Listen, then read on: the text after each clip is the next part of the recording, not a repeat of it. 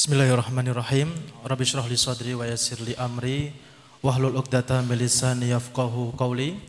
Assalamualaikum warahmatullahi wabarakatuh. Alhamdulillah innal hamdalillah nahmaduhu wa nasta'inuhu wa nastaghfiruh wa na'udzu billahi min syururi anfusina wa min sayyiati a'malina may yahdihillahu fala mudhillalah wa may yudhilhu fala hadiyalah asyhadu an la ilaha illallah wahdahu la syarikalah wa asyhadu anna muhammadan abduhu wa rasuluhu la nabiyya wa la rasula ba'dah. Amma ba'du. Bapak-bapak, ibu-ibu, adik-adikku sekalian, anak-anakku sekalian yang insya Allah dirahmati oleh Allah Subhanahu Wa Taala, insya Allah senantiasa dicintai oleh Allah Subhanahu Wa Taala. Dan bagaimana tidak dicintai oleh Allah Subhanahu Wa Taala ketika kita benar-benar membuktikan bahwasanya kenikmatan tertinggi adalah nikmatul iman dan Islam. Sering kita mendengar bahwasanya kita mensyukuri nikmat yang tertinggi, nikmat iman dan Islam. Dan kita semua menjadi saksi bahwasanya pagi ini panjenengan semuanya membuktikan itu. Ketika banyak pilihan-pilihan yang lain, ketika banyak pilihan kenikmatan-kenikmatan yang lain, panjenengan memutuskan memilih hadir ke kajian ini bersama-sama untuk kita tolabul ilmi, kami yang di depan juga tolabul ilmi dan semoga panjenengan semuanya mendapatkan hikmah serta pelajaran pada pagi ini. Ketika banyak pilihan yang lainnya di luar sana. Anak-anak Betul enggak kira-kira nikmat yang paling tinggi nikmat iman dan Islam? Betul ya? Enakan kajian atau enakan ke CFD kira-kira? Kajian. Wah, buktinya pada kekajian semua. Kira-kira enak tahajud atau enak tidur? Enak tahajud, Masya Allah. Enak makan atau enak puasa? Enak makan, oh, kalau makan masih susah dikalahkan. Ternyata ketika kita mengucapkan nikmat tertinggi, nikmat iman dan Islam, kita praktekkan dalam hidup kita, tidak semudah sambutan atau mukodimahnya. Ternyata lebih, kadang lebih kita terlena dengan tidur kita dibandingkan ketika kita bangun malam untuk sholat tahajud. Kita inginnya tidur tapi Allah inginnya kita bangun. Kita inginnya makan tapi Allah inginnya kita puasa.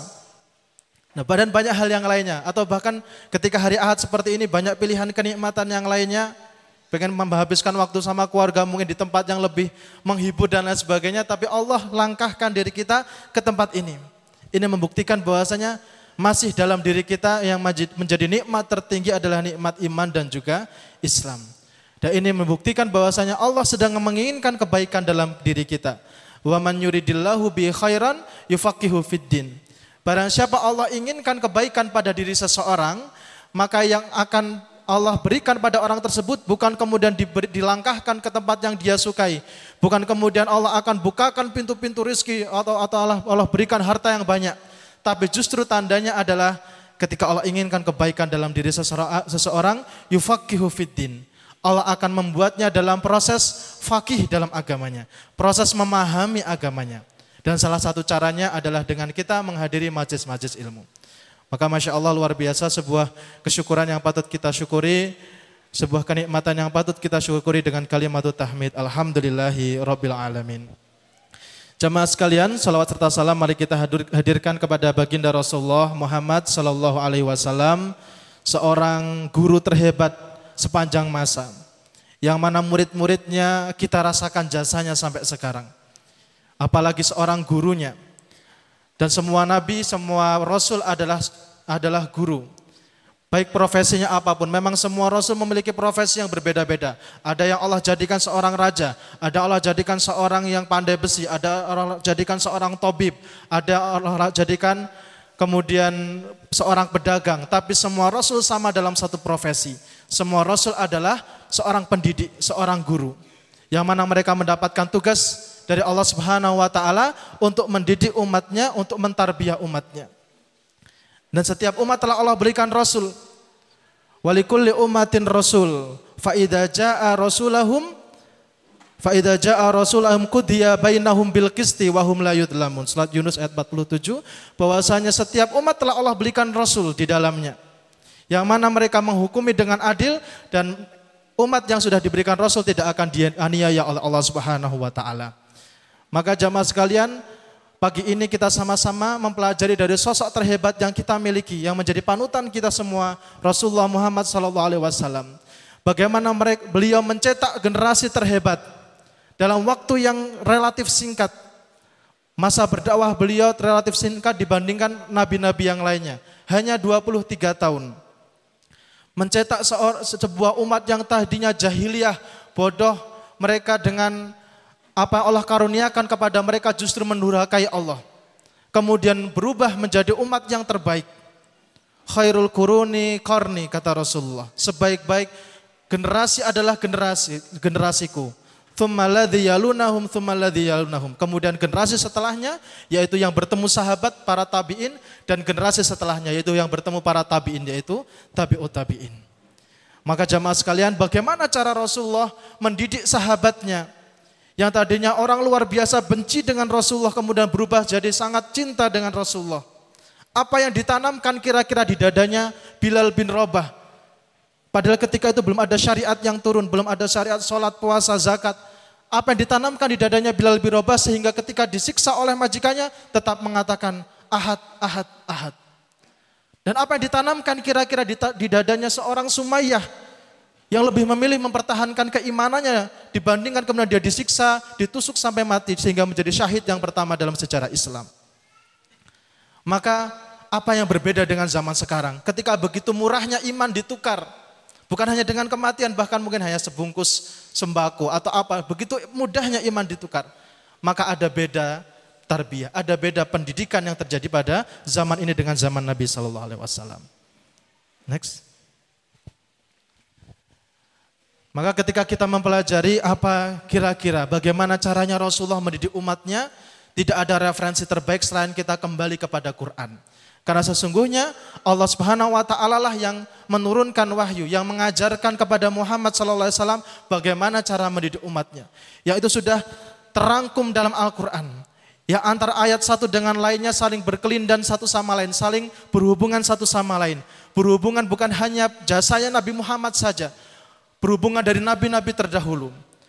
Ada mata rantai tugas Rasul dalam mengemban amanat mendidik para umatnya ini. Next. Yaitu ketika diawali ada doa dari Nabi Ibrahim alaihissalam kemudian mendapatkan ijabah dari Allah Subhanahu wa taala atas atas doanya. Kemudian dari situ Allah menjabarkan bagaimana tugas Rasulullah dalam mendidik umatnya sehingga terbentuklah sebuah metode, manhaj, kurikulum. Kalau kita bahasa mungkin di sekolahan ada kurikulum, ada silabus, ada metode bagaimana mendidik umat. Yang mana ini kelak menjadi bekal kita sesungguhnya apalagi para asatid, para guru, para praktisi pendidikan dan semuanya juga bertanggung jawab setiap kita adalah orang tua. Kita bertanggung jawab mendidik anak-anak kita. Maka manakah referensi yang terbaik? Kita kembalikan ke Al-Quran. Siapakah sosok yang terbaik kita jadikan contoh? Rasulullah SAW. Maka ada sebuah mata rantai antara tugas Rasul satu dengan Rasul yang lainnya, yaitu dimulai dari doa Ibrahim alaihissalam di dalam surat Al-Baqarah ayat 129. Kemudian Allah jawab doa tersebut dalam surat Al-Jumu'ah ayat kedua. Kemudian Allah terangkan bagaimanakah tugas seorang nabi, tugas risalah, tugas kenabian di dalam surat Ali Imran ayat 164 dan kemudian terbentuklah sebuah manhaj pendidikan Rasul. Yang mana ini adalah manhaj terbaik yang kita gunakan bagaimana kita mendidik anak-anak kita. Atau bahkan dalam lingkup yang lebih besar bagaimana kita mendidik umat ini. Mendidik masyarakat di sekitar kita. Dalam surat Al-Baqarah ayat 151. Ini mungkin yang akan kita baca maaf sekalian pada kesempatan pagi ini. E, maka semoga kita semua diberikan, kita berdoa dulu diberikan hati yang lapang untuk menerima apa yang akan kita sharing sama-sama sehingga bukan sekedar menjadi pengetahuan tapi dapat kita praktekkan dalam kehidupan kita.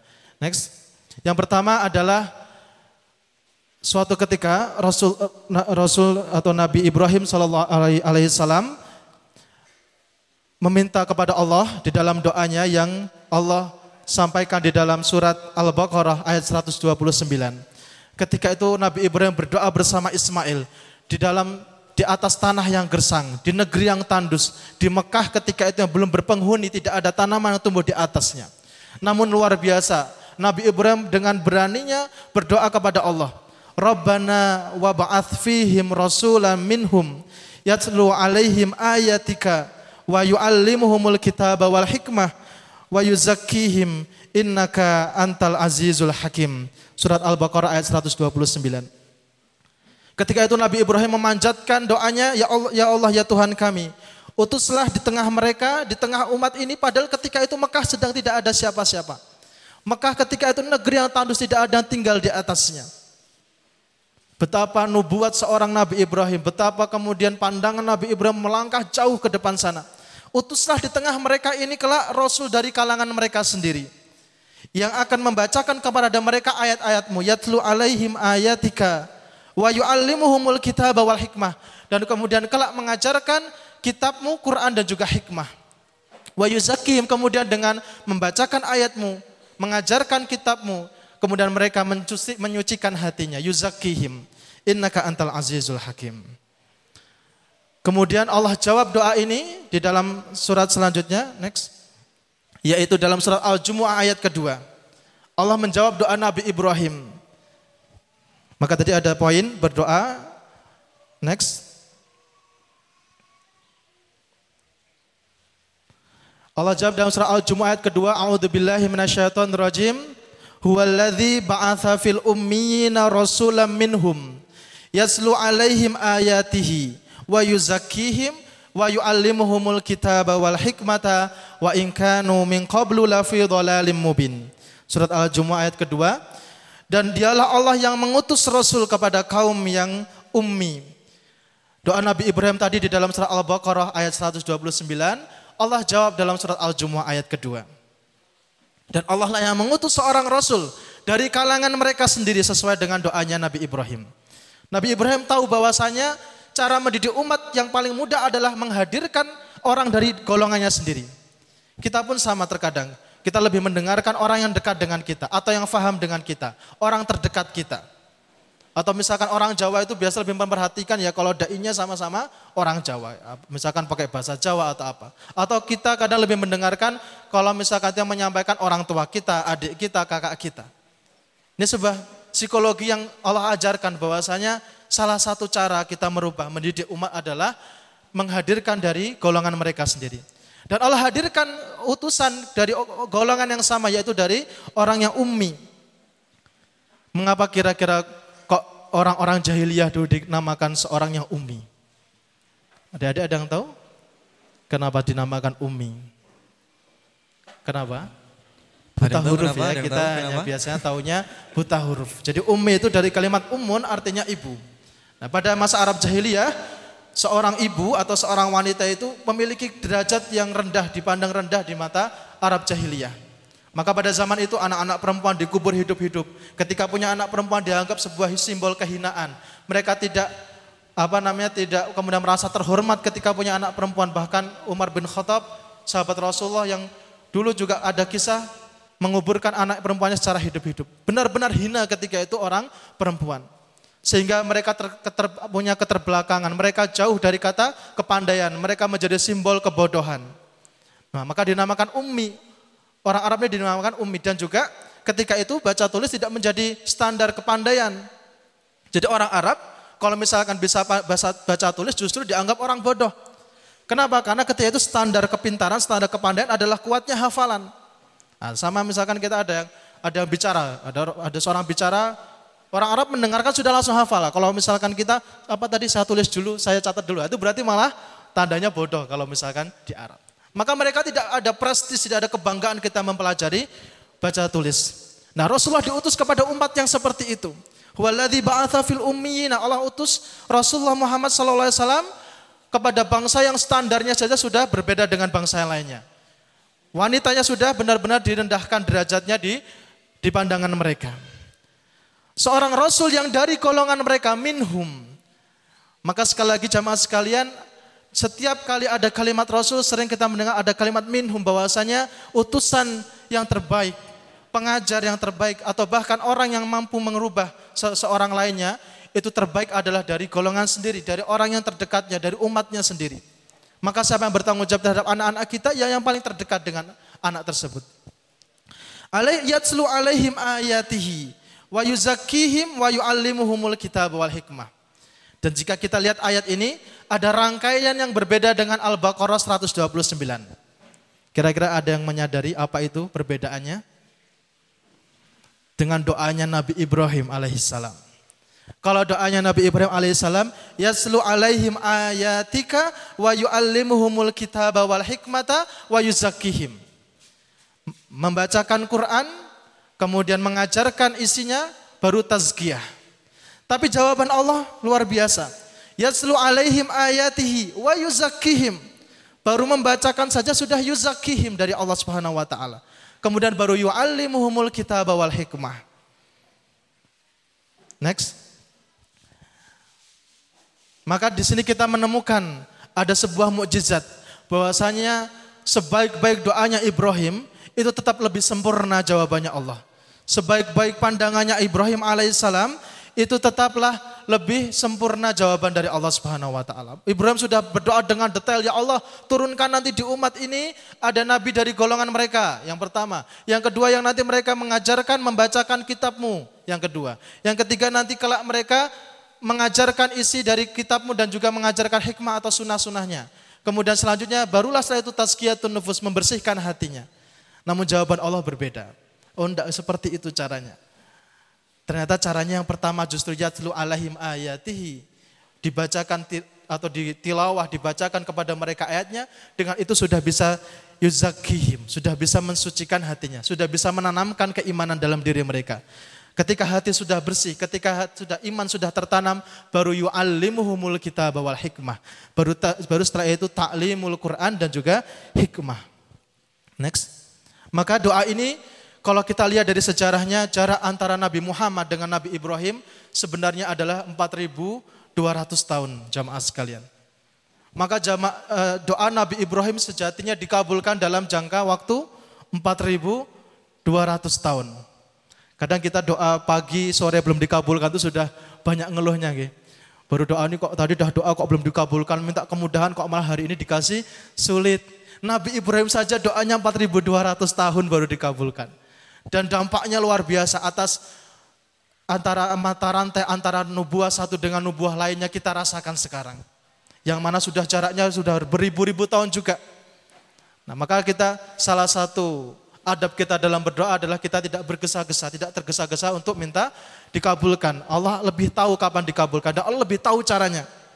Ibrahim pakai cara yang sudah dikiranya sempurna, ternyata Allah punya cara yang lebih sempurna dalam mendidik umat ini. Maka turunlah ayat lain yang menjelaskan apakah tugas seorang rasul.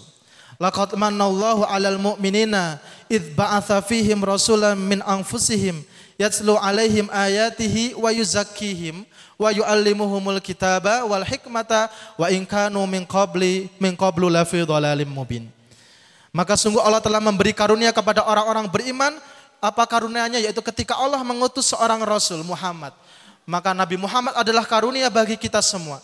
Karena Nabi Muhammad diutus kepada kita untuk yatslu alaihim ayatihi wa yuzakkihim wa yuallimuhumul kitab wal hikmah.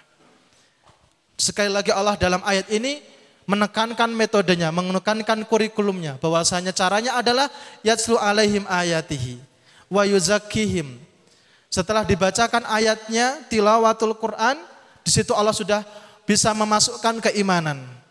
Maka kalau kita dengar sejarahnya Umar bin Khattab ketika masuk Islam, belum mendengar ajarannya, baru mendengar bacaannya ketika itu, ketika saudaranya membacakan surat Toha. Datang ke rumah saudara perempuannya, ternyata ada iparnya membacakan surat Toha, langsung tersentuh hatinya masuk keimanan. Itu belum ikut kajian, belum ikut dakwahnya Rasul, tapi sudah dimasukkan, sudah ditazkiyatun nufus. Betapa bahwa saya hidayah itu datangnya bukan dari yang mengajar, tapi benar-benar dari Allah Subhanahu wa taala. Maka ketika sudah bersih hatinya, Allah akan masukkan ilmu apa pun akan mudah.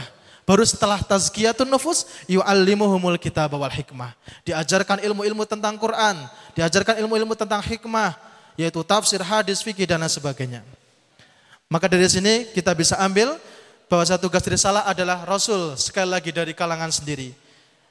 Apa yang dilakukan pertama kali tilawah, membacakan ayat-ayat kepada umat.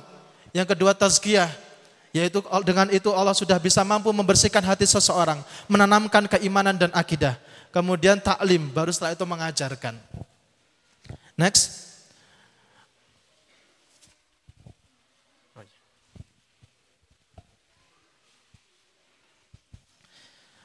Maka eh, Bapak Ibu sekalian, ketika ada pertanyaan bagaimana Rasulullah mendidik umatnya, ternyata Allah sendiri yang mengajarkan kepada kita. Ada manhaj pendidikan Rasul. Manhaj itu kurikulum, metode Rasulullah mendidik umatnya. Kama arsalna fikum rasulam minkum. Kalau kita perhatikan empat ayat tadi susunannya selalu sama. Rasulan minkum. Yatslu Rasul dari golongan kalian. Yatslu alaihim ayatihi. Membacakan ayat-ayatnya.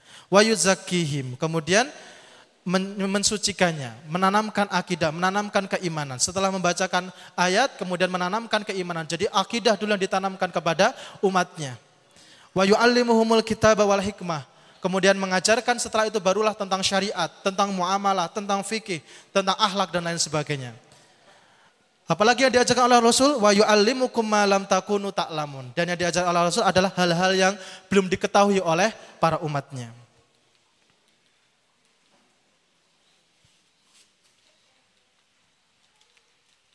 Next.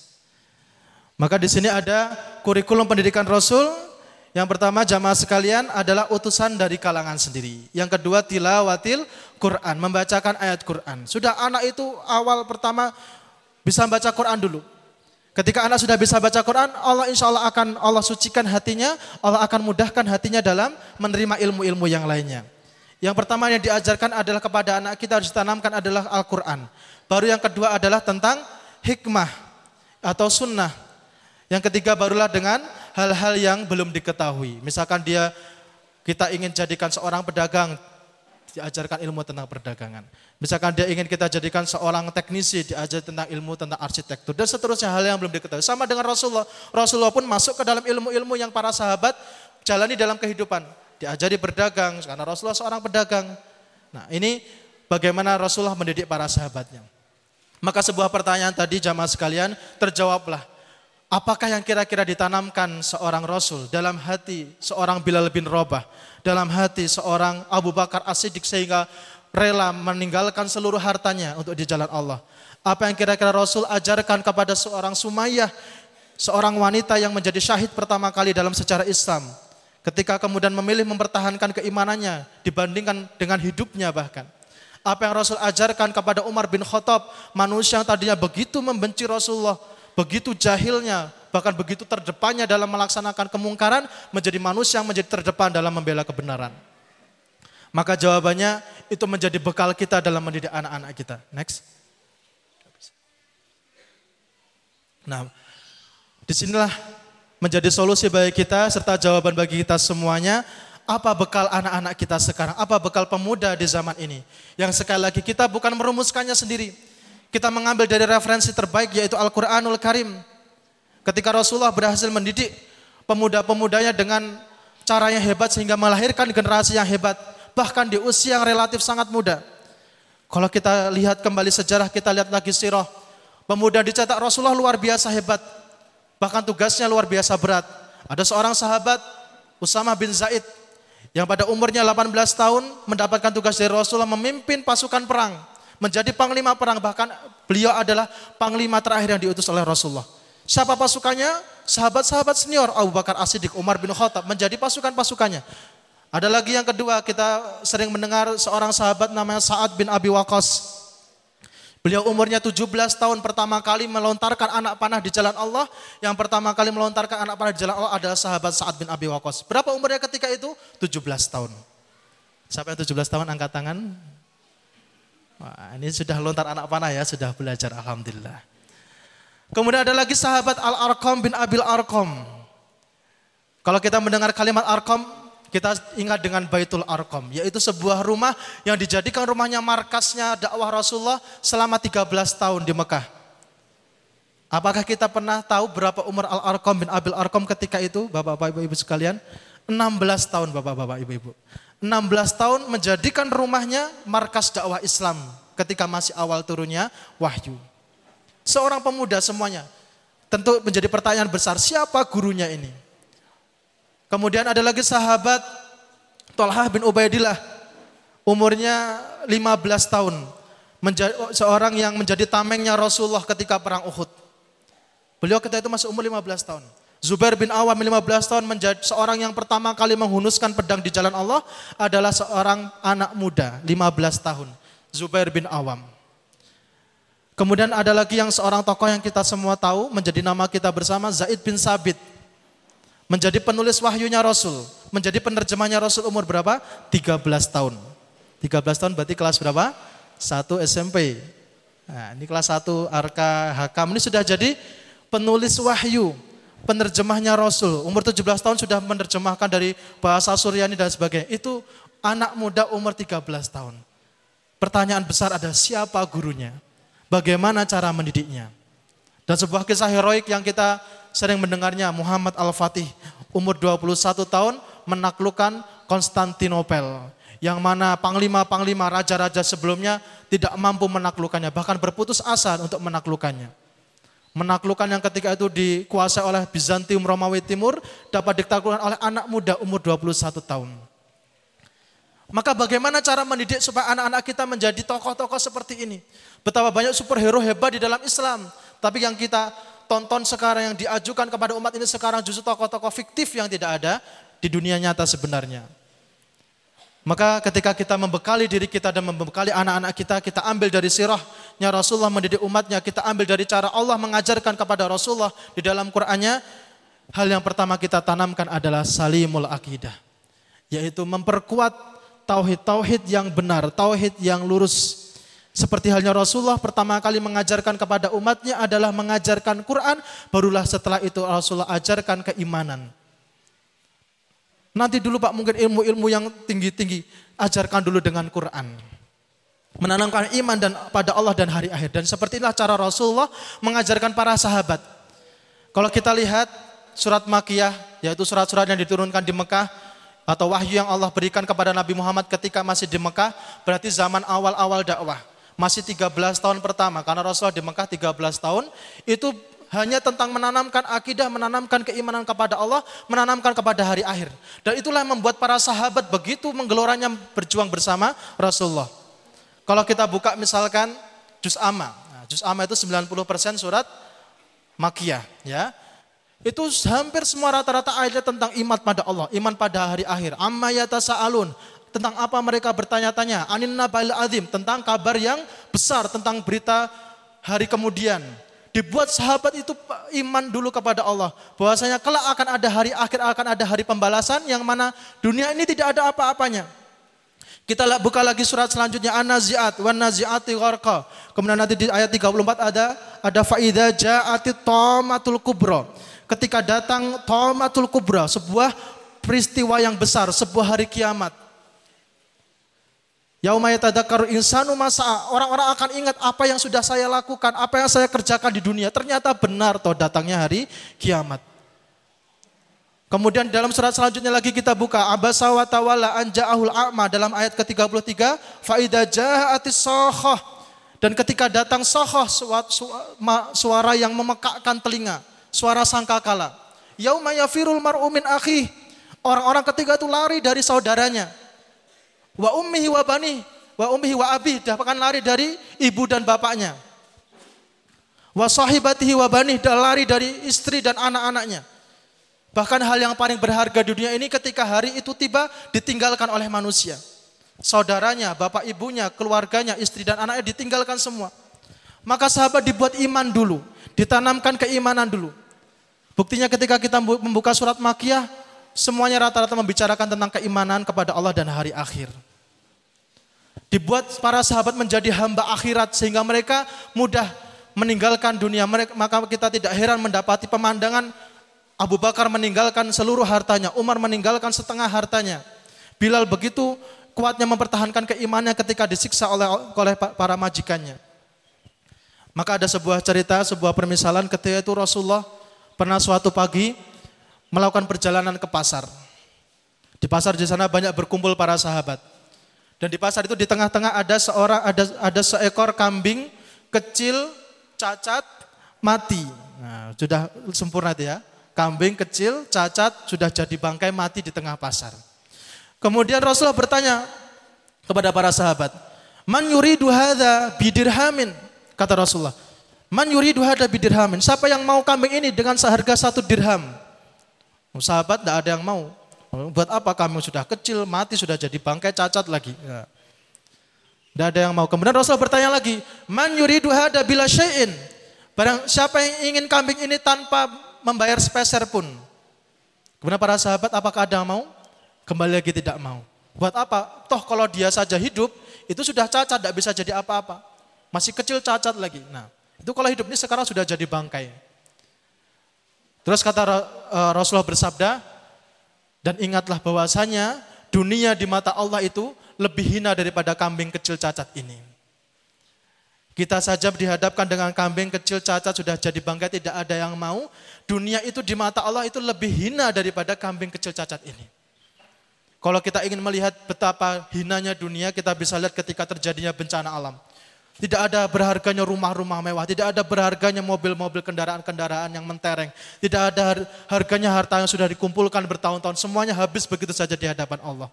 Dan para sahabat dihadapkan dengan kondisi ini, ketika di awal-awal dakwah disampaikan, itu syamsu kuwirat nanti matahari itu digulung. Ida sama fatarat nanti langit itu dipecah belah.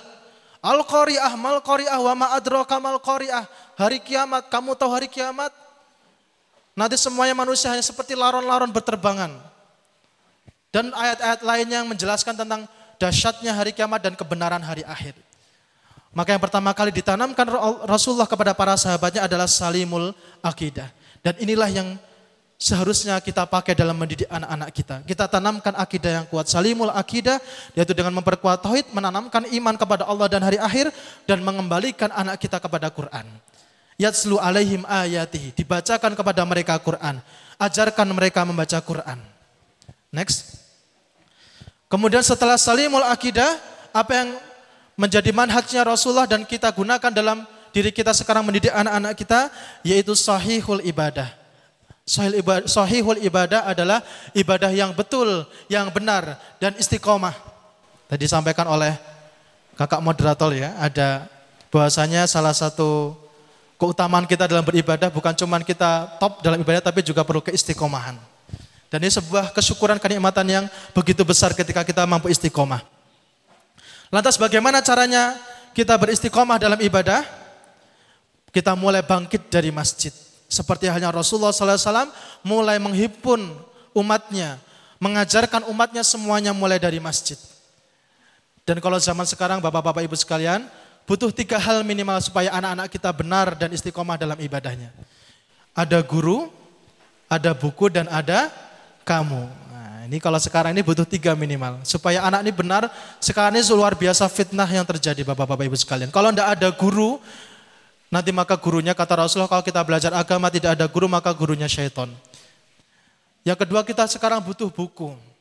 Menjadikan referensi jarak antara kita dengan Rasulullah begitu jauhnya ribuan tahun maka apa yang menjadi menjadi tali di antara zaman kita dengan zaman Rasulullah yaitu kitab-kitabnya para ulama, para salafus soleh. Kita membutuhkan buku.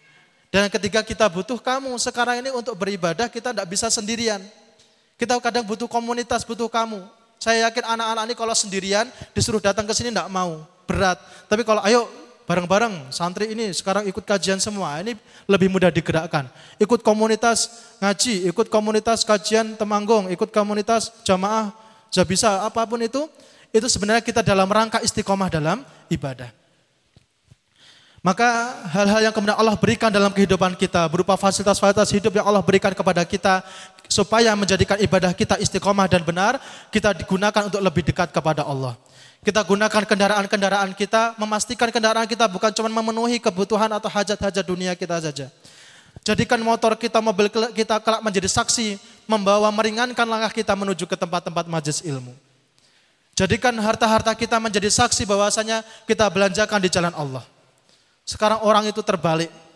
Begitu berlomba-lomba membangun apa misalkan kuburannya, dibangun sedemikian rupa, dikasih keramik yang luar biasa mahal. Kalau perlu kalau bisa masang AC di dalamnya. Gampang Bapak Ibu sekalian kalau pengen masang AC di kuburan itu. Pasang AC di masjid, maka nanti akan menjadi pendingin kelak kita di kuburan kita. Bagaimana ingin memperluas kuburan kita, perluas pondok-pondok pesantren, maka akan memperluas liang kubur kita.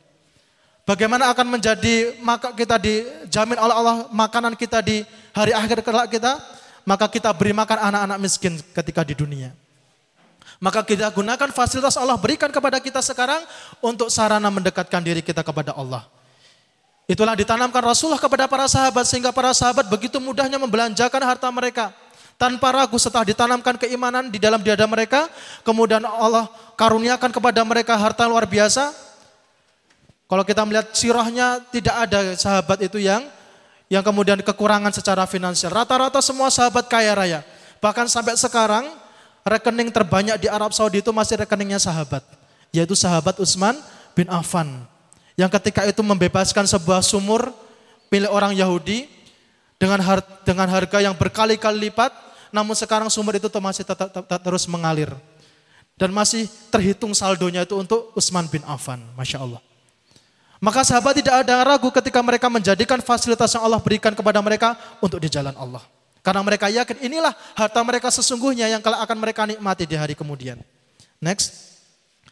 Kemudian Bapak Ibu sekalian apa yang kita tanamkan kepada anak-anak kita yang mana kita meniru Rasulullah dalam mengajarkan umatnya atau para sahabatnya setelah salimul akidah, kemudian sahihul ibadah, kemudian solihul akhlak, yaitu akhlak yang salih, akhlak yang mulia. Karena mau bagaimanapun bapak-bapak ibu sekalian, orang lain, orang kafir, orang-orang yang lain itu melihat Islam bukan dari Qur'annya sekarang zamannya itu.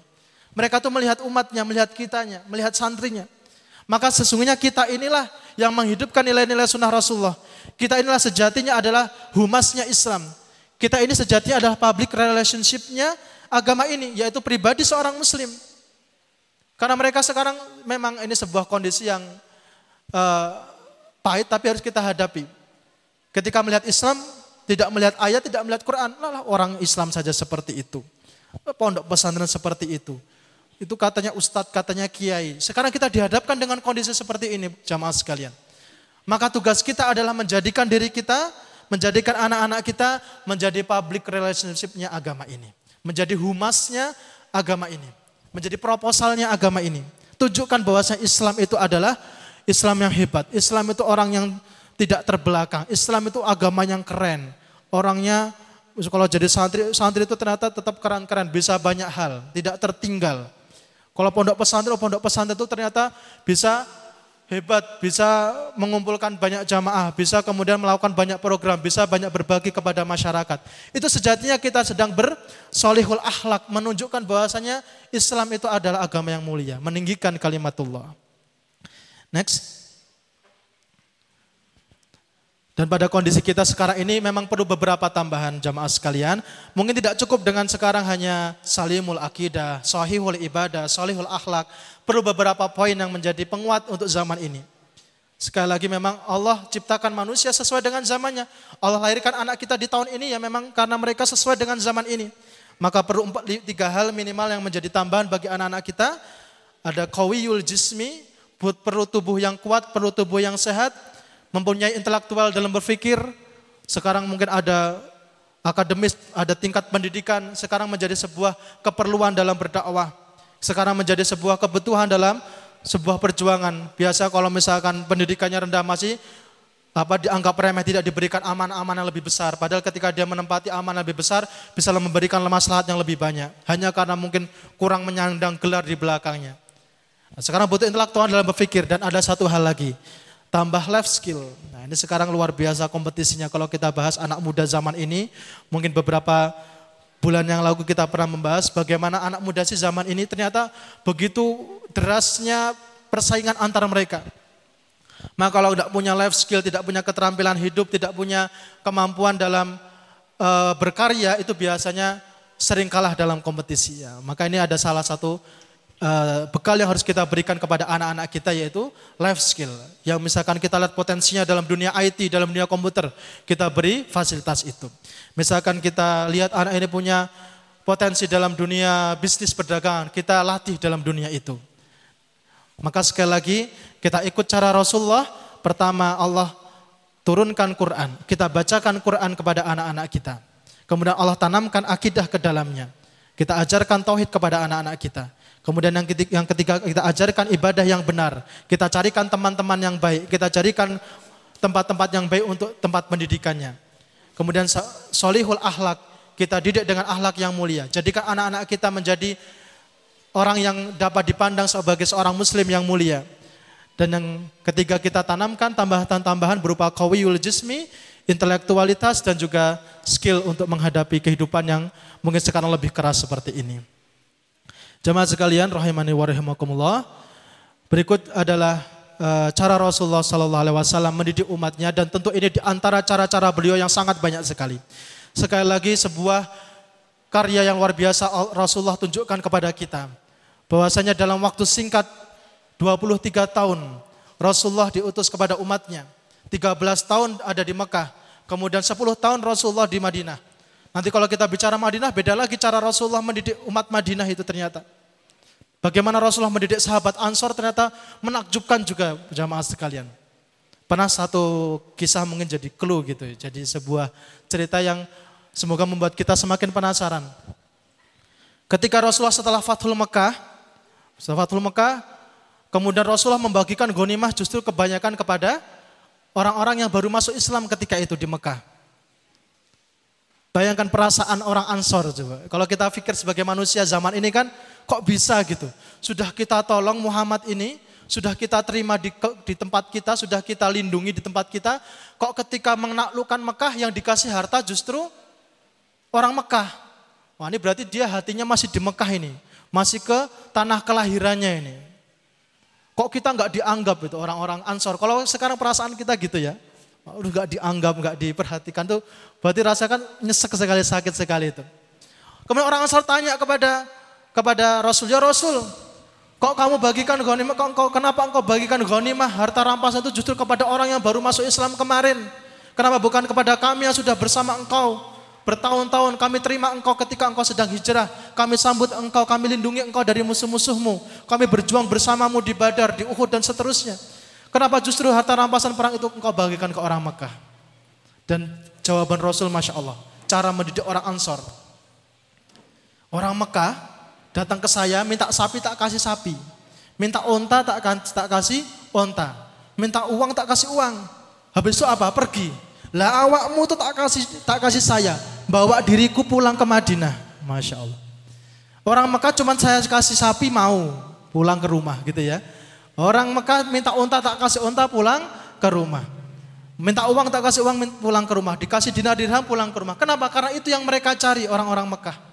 Sedangkan kamu orang Madinah. Kamu pulang ke rumah tuh bawa saya, bawa Muhammad Rasulullah. Langsung mereka menangis ketika itu. Artinya apa? Rasulullah ingin menjaga bahwasanya sudahlah orang Madinah kamu sudah jadi pahlawan, jadi pahlawan saja. Kamu sudah mentalnya memberi, memberi saja terus. Tidak usah tercemari dengan meminta, minta imbalan. Dan banyak dan sekarang apa yang terjadi? Anak cucunya Ansor di Madinah itu tidak pernah miskin. Karena Madinah selalu ramai dikunjungi para jamaah haji setiap tahunnya. Kenapa? Karena kuburannya Rasulullah di sana, tinggal di sana, meninggal di Madinah. Itulah cara Rasulullah membalas jasa kepada orang Ansor. Sampai sekarang anak keturunan Ansor tidak ada yang miskin, Madinah selalu ramai. Padahal kalau kita lihat rukun haji itu tidak ada yang ke Madinah. Betul nggak? Semua rukun haji adanya di Mekah. Mengapa orang-orang masih ke Madinah? Ya karena ada syariahnya Nabi, karena ada masjidnya Nabi, karena ada para panglimanya Nabi di sana, karena ada para penolongnya Nabi di sana. Ini cara Rasulullah mendidik orang Madinah. Maka sungguh kalau kita kupas seorang Rasulullah, seorang Muhammad sebagai seorang guru, Masya Allah luar biasa banyaknya. Kita satu sesi ini saja pagi, kita sudah ditakjubkan dengan cara Rasulullah mendidik orang-orang Mekah. Mendidik umat yang tadinya seorang umi terbelakang, bodoh secara perilaku, kemudian sangat jahiliyah, dirubah menjadi generasi terbaik, menjadi khairul qarni. Maka bagaimana kita ketika kita ingin menjadikan anak-anak kita seorang sebuah generasi yang sama hebatnya, maka harus menggunakan cara yang sama hebatnya. Menghadirkan guru-guru yang sama hebatnya, menggunakan kurikulum yang sama hebatnya dan menggunakan referensi yang sama hebatnya yaitu Al-Qur'anul Karim. Demikian jamaah sekalian, semoga apa yang kami sampaikan bisa menjadi hikmah bagi panjenengan semuanya dan sekali lagi ini sesungguhnya menjadi pelajaran peringatan bagi kami pribadi karena kami pribadi juga seorang praktisi pendidikan, juga punya anak-anak yang menjadi tanggung jawab. Sesungguhnya memperingatkan kami sendiri yang mungkin masih jauh dari kata kesempurnaan dari manhaj yang sudah Allah berikan. Kadang masih kita mengajukan ego kita, nafsu kita dalam mendidik anak-anak. Wah, cara yang paling benar itu cara menurut saya. Padahal Allah sudah berikan caranya di dalam Quran. Minimal tadi empat ayat tadi Allah sudah memberikan referensinya bagaimana Allah memberikan kepada Rasulullah cara mendidik umatnya.